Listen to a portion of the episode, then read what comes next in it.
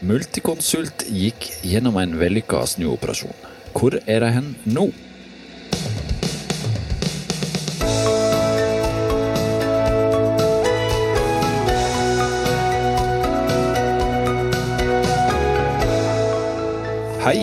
Velkommen til en ny episode av Byggeindustrienbygg.no sin podkast Byggeplassen. Jeg heter Frode Aga, og med meg har jeg som vanlig Kristian Aarhus. Det var vanskelig å si navnet ditt da, Kristian. Noen ganger er det det. som programleder.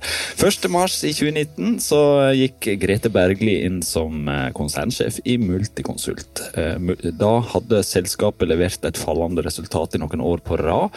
Så snudde det brått, og med ny sjef så ble nye rekorder sett. Hva var det som skjedde? skjedde, og hvor hen peker de pilene hen nå? Det håper vi dagens gjest kan gi noen svar på. Eh, velkommen til vårs, Grete Bergli, konsernsjef i Multiconsult. La oss gå tilbake til 2019. Hvordan så Multiconsult ut da du overtok? Hmm, det var et, et stort spørsmål. Eh, det var jo et selskap som eh, Man kan nesten bruke begrepet litt traumatisert. Eh, det hadde vært fallende resultat, man hadde sett en styreleder gå, man hadde sett at en konsernsjef måtte gå. Og en ting jeg håper vi ikke skal snakke så mye om, men vi var faktisk i konflikt med Stortinget òg, på et stort prosjekt som var noe alle snakket om.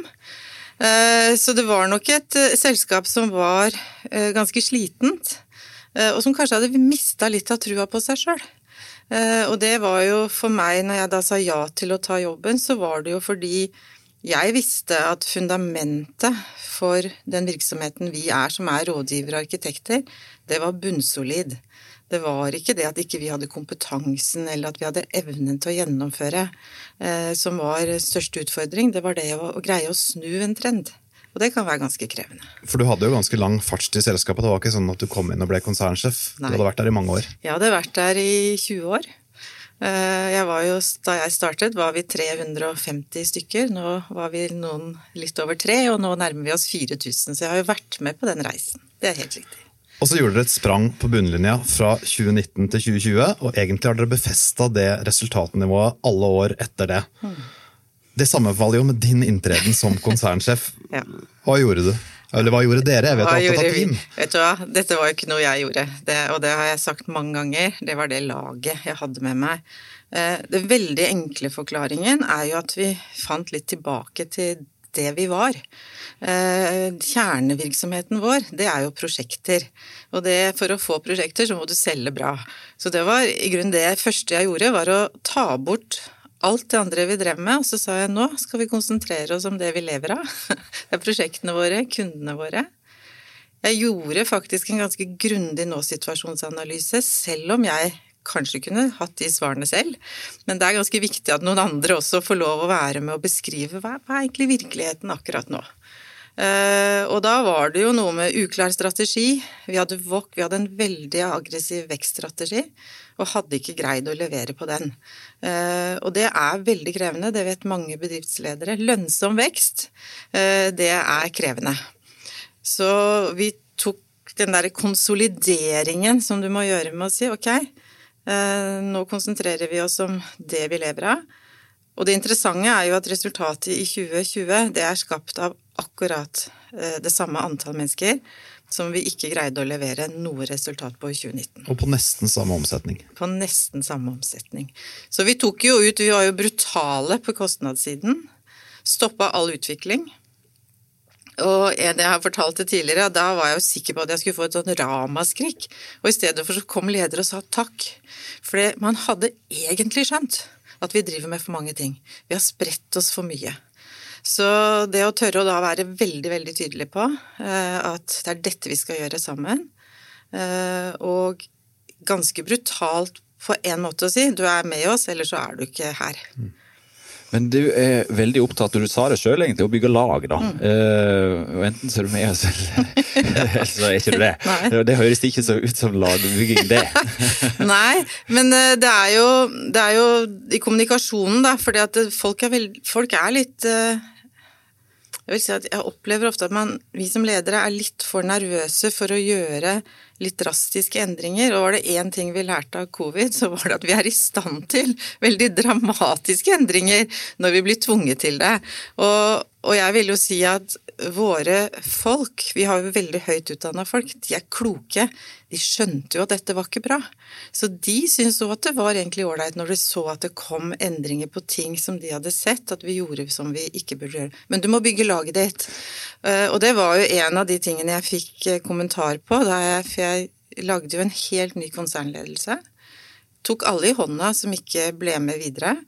Men da jeg satte nytt lederteam i oktober 2019, så var det ingen av de som hadde samme jobb som de hadde da jeg kom inn.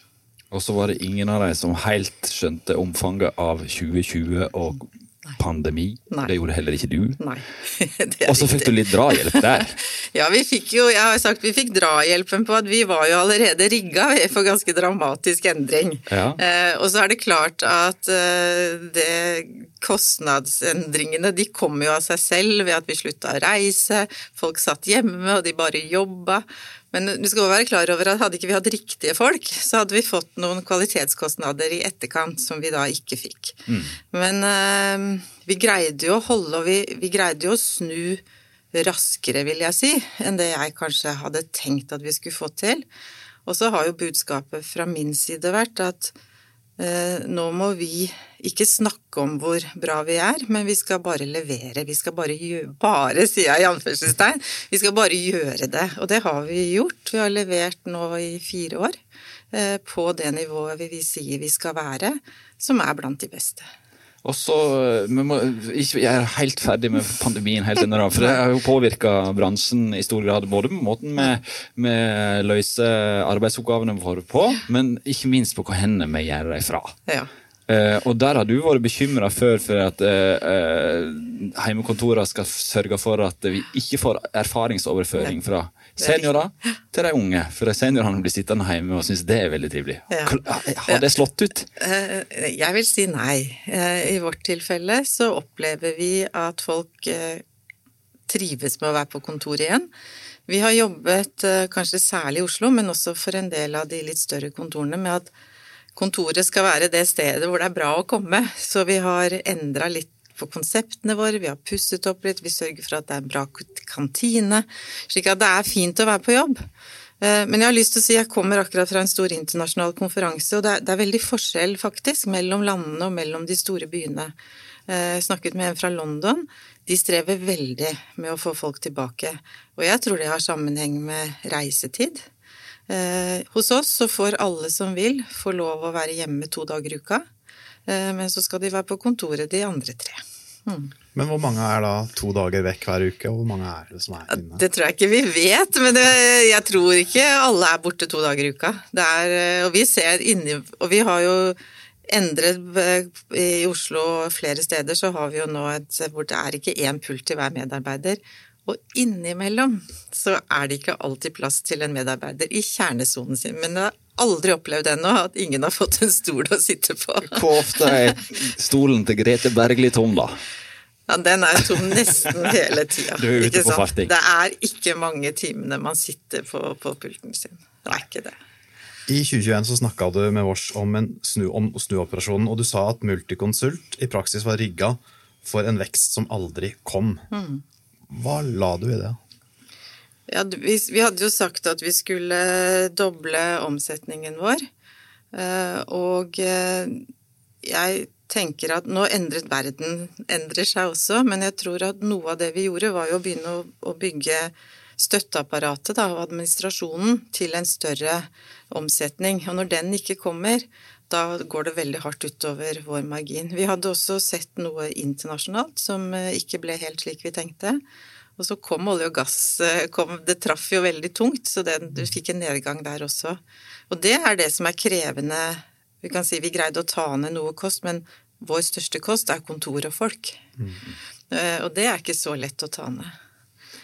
Og så gjorde du du var inne på det her i stad, du mm. gjorde noen store endringer i konsernledelsen, blant annet. Eh, det høres veldig krevende ut å gjøre den type prosesser. Mm. Hvordan kommer en igjennom sånne Du tok det i hånda, sa du. Mm. Eh, hvordan kommer en igjennom sånne, sånne, prosesser på en mest mulig skånsom måte, da? Eh, det er, det er, ingen annen måte å gjøre det på enn å ta en, en seriøs samtale og si at jeg har eh, tenkt at det er sånn min organisasjon skal se ut fremover, og jeg kan ikke se nå at det er en plass for deg. Eh, og noen hadde allerede tenkt at de var på vei ut, og andre forsto det. Og så er det Det er jo ulike når du sitter i en konsernledergruppe, så, så, forstår man egentlig også at spillereglene er at man kan bli flytta. To av de som satt i den konsernledelsen, er jo fortsatt i Multiconsult. Så vi har jo en kultur for at folk uh, kan gå oppover og nedover og sideveis i hierarkiet, og det er en veldig fin kultur. Men det er noe ja. du tenker på sjøl som leder, at det her leverer vi dårlig, så er det over og ut? Ja. ja det, jeg tenker jeg behøver ikke å levere dårlig engang. Det er bare hvis styret mitt bestemmer seg for at de vil ha noe annet. Mm. For det kan de gjøre. Men Hvordan er det å gå på jobb og ha den alltid liggende der, da? Eh, jeg tror ikke jeg tenker på det. Jeg tenker jeg går på jobb for å gjøre jobben min. Eh, og så må jeg avstemme jeg ganske ofte med min styreleder også, eh, slik at vi ser at vi, vi, er, vi er omforent om retning. Men man, jeg tror man skal være veldig bevisst at og Multiconsult, hvis vi går over litt til hvor er vi nå, så er jo nettopp det som har vært min utfordring, kanskje, er at mange i organisasjonen husker hvordan det var i 2019. Eh, og det å greie da å få til vekst Nå så dere sikkert andre kvartalet vårt. Nå begynner vi å få til organisk vekst. Det tar litt tid. Fordi man har blitt eh, skremt en gang av at å voksne for mye, det, det kan gjøre ganske vondt, da. Ja, for vi spurte jo innledningsvis hvor dere sto. Ja.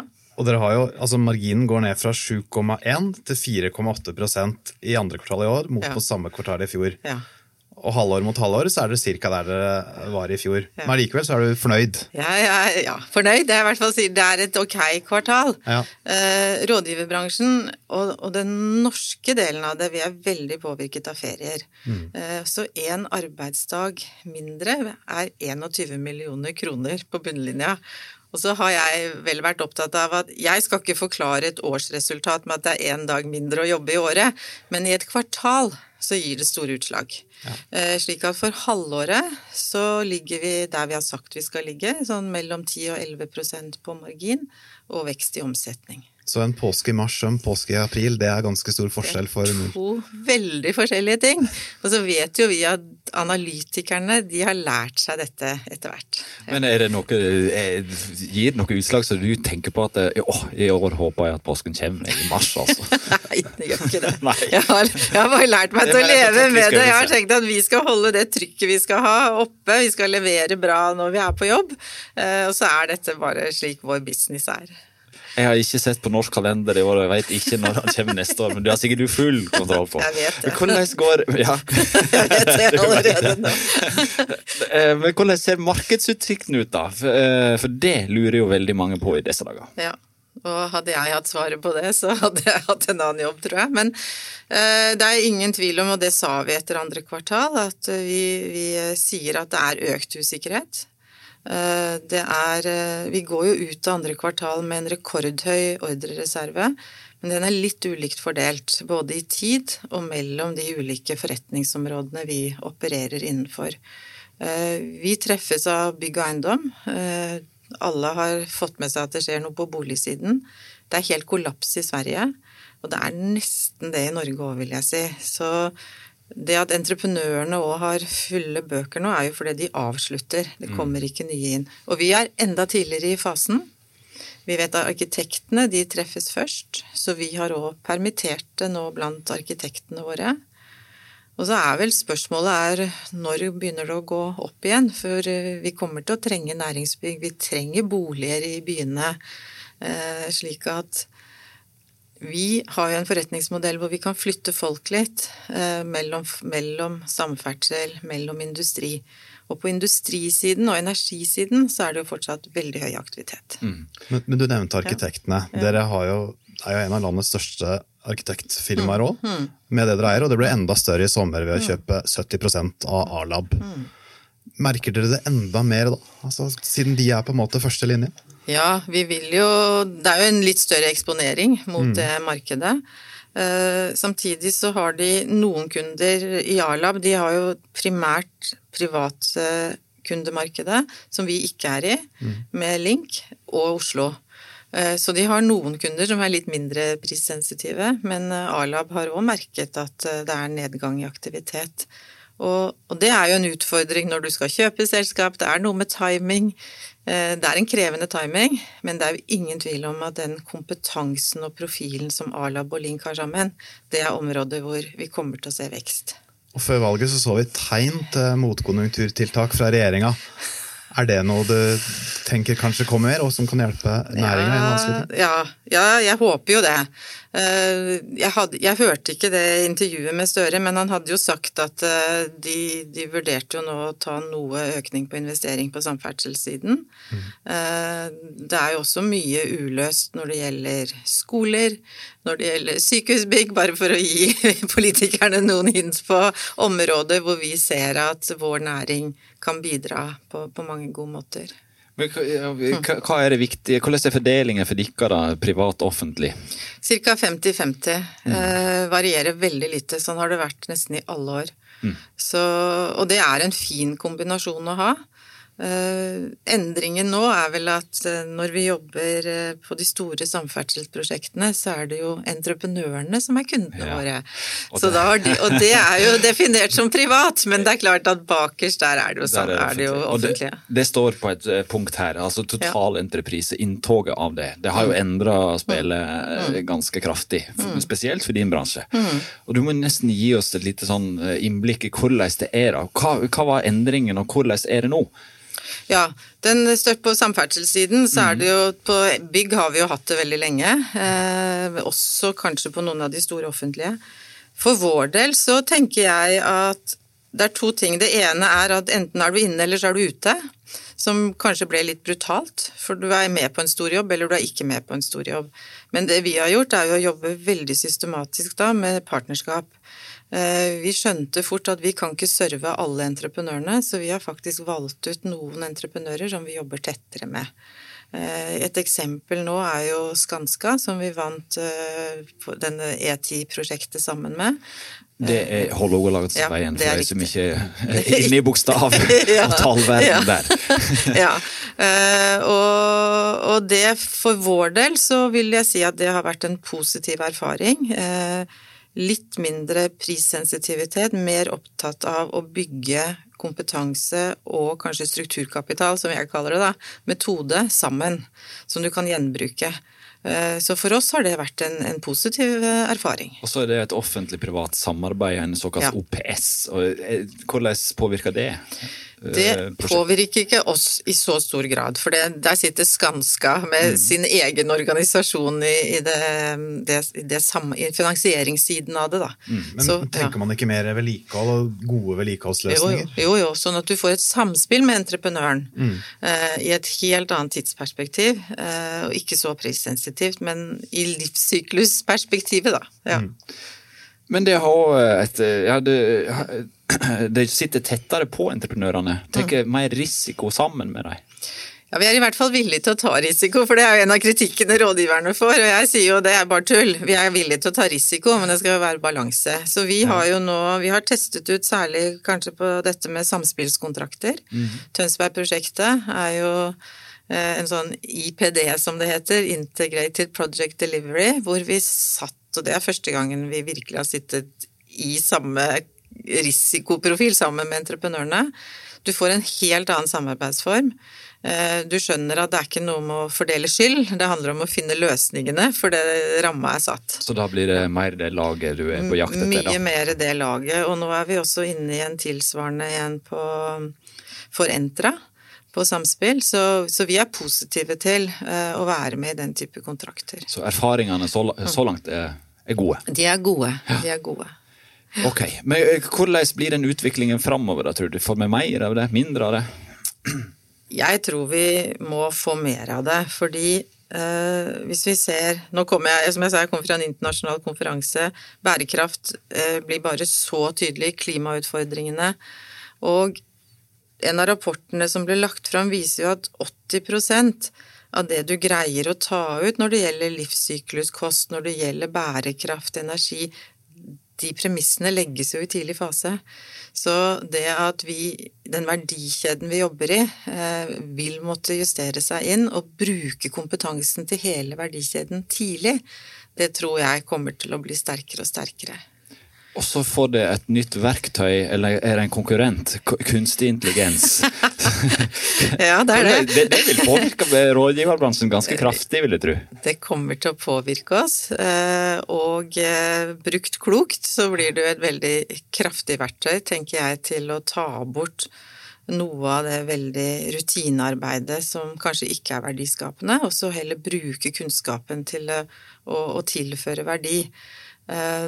Men det er jo ingen ennå som helt vet uh, hvordan vi tester ut litt ting hos oss. Uh, se på hvordan Jeg tror det er særlig på alternativsvurderingene uh, at kunstig intelligens vil hjelpe oss, men det vil ta bort noe rutinearbeid. Og bygg og anlegg og eller ingeniør, rådgivende ingeniør- og arkitektsiden er en av de sidene hvor man tror at effekten av kunstig intelligens faktisk kan bli veldig stor. Og så sitter det kanskje noen og hører på her nå, og sier du at det vil ta vekk noen arbeidsoppgaver. ja. Hvordan vil det påvirke de ansatte? Jeg tror ikke det vil påvirke i veldig stor grad på kort sikt. Eh, og gitt at vi i hvert fall de siste fem-seks årene har hatt mangel på arbeidskraft i Norge, eh, så tror jeg heller at vi tenker at det kan løse noen utfordringer. Spørsmålet blir jo hvordan det blir på verdensbasis, hvor det i dag settes ut en del rutineoppgaver også til prosjektering i andre land. Eh, men det vet vi ikke. Eh, brukt riktig så tror jeg kunstig intelligens kan tilføre verdi og eh, effektivisere eh, det arbeidet vi gjør. Vi har intervjua deg før, det har vi ja. sagt. og da var mangfold noe av det vi snakka om. For det var i forbindelse med snuoperasjonen de hadde. Og da snakket vi mm. med deg og Marianne Røren i Mesta, mm. som hadde en del lignende erfaringer. Og det, begge det har lykkes veldig godt med med mangfold. Mm. Og det har slått positivt ut. Mm. Fortell litt om det. Ja, eh, og mangfold er jo, har vi jo lært etter hvert, det er ikke bare kvinner-menn. Men eh, det vi har eh, Jeg tenker at rådgiverbransjen er nok ganske privilegert ved at vi har en del kvinner. Og vi har jo hatt ganske lenge en regel på at når vi rekrutterer, i hvert fall til lederstillinger, så skal det alltid være en av det kjønnet det ikke er flest av. Hos arkitektene våre, må dere huske, er det motsatt. Ja. Eh, og da er det følg eller forklar. Eh, og, og så er jo jeg selv opptatt av at å oppmuntre jenter til ikke å gå inn i bare sånne støtteroller, men gå inn i kjernen av det forretningen driver med. Eh, og er så heldig at jeg har veldig mange flinke kvinner også som sitter og er ledere hos oss. Eh, så det er jo kanskje det beste man kan gjøre, er jo å ha de som er gode eksempler. Men hvor mange kvinner er det i konsernledelsen, da? Nå er vi jo fire, eh, og tre av ja, Det er to som sitter og er EBP-er, mm. Eh, og en HR-leder, og så er det meg. Så tre av oss, da, er i hvert fall i kjernevirksomheten. Mm. Ja. Og eh, du har jo sagt før at noen slår seg på brystet og sier at nå har vi fått opp prosentandelen her, nå har vi ansatt ei kvinne. Ja. Men hun har fortsatt bare ei kvinne igjen. Ja, det er en prosentregning, vet du. Ja. Jeg lærte tidlig av en sånn når du er én, da er du egentlig et gissel. Så pass i hvert fall på, vil jeg si, når du skal ha balanse, at det er to av det du ønsker å, få opp, da, i antall. Har du noen sjøl erfaringer fra det å være det gisselet, da, for eksempel? Jeg har i hvert fall erfaring av å være eneste kvinne i en ledergruppe, eh, og kanskje ikke så veldig reflektert over det fordi jeg var ganske ung. Eh, men det, litt, det kan være litt krevende noen ganger da å, få fram poenget ditt. Og så er det forskjeller mellom entreprenørsida ja. og rådgiverbransjen. Og det er kanskje noen naturlige forklaringer da, og, og da. Eh, men mm. Det er litt å hente på entreprenørsida. Forklar naturlig, da. jeg tror ikke det er naturlig, men, men, det er jo noe med Man tenker det er fysisk arbeid, man tenker det er reising, det er eh, i starten så var jo, når vi snakket om kvinneandel, så var jo målet vårt at vi skulle ha lik kvinneandel hos oss som det som kom ut av NTNU. For det er noe, veldig mye mer enn det er vanskelig. Eh, så entreprenørsiden, så nå skal ikke jeg uttale meg så mye om det, men, men det er noe med stemningen på, på brakka, det er det noe Det var vel kanskje tonen, det med det naturlige ja, da, jeg mente. Ja, jeg skjønner det. Så det er, eh, det er eh, Så det er, det er, litt mer krevende, men de, jeg vet jo at de er veldig opptatt av det ja. Å og legger til rette for. Men det er jo det samme vi ser på IT-siden også. På IT så de jentene utdanner seg, men de blir ikke. Mm. Så det må man, man må grave litt i det, tror jeg, for å finne ut av hva er det som hindrer oss i å komme inn. Men hos rådgiverne så har det alltid egentlig vært ganske mange kvinner. Og nå blir kanskje bransjen litt mer synlig òg, når eh, Norconsult også kommer etter og blir på børs i, ja. før jul en gang. Ja. Hva får det å si for dere?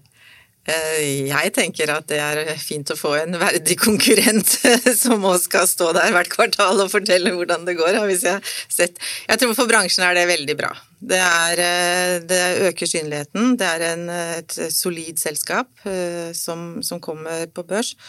Og vi har jo vært veldig alene i Norge. Mm. Jeg vet nå at det er en stor aktør som kommer til å begynne å følge Sveko og og Afri også nå. Så det å få synlighet, eh, omsetning i aksjen, eh, oppmerksomhet, eh, kunnskap om bransjen, det tenker jeg er bra. Har du noe råd til konkurrenten? Nei, det er jeg skal, jeg skal, passe meg veldig for å gi de råd. Jeg tror En rådgiver uten råd? Ja, nei, jeg skal gi et råd. Jeg kan jo dele det jeg har vært opptatt av selv. I kommunikasjonen eksternt så er det, tror jeg, det er veldig lurt å fortelle om det du har gjort, og ikke så mye om det du har tenkt å gjøre tenker det har du gjort her i dag hos oss, Grete. Tusen takk for at du var gjest i Byggeplassen. Håper du har hatt en ok stund her med oss. Jeg heter Frode Aga, og Kristian Aarhus var programleder. Mange takk.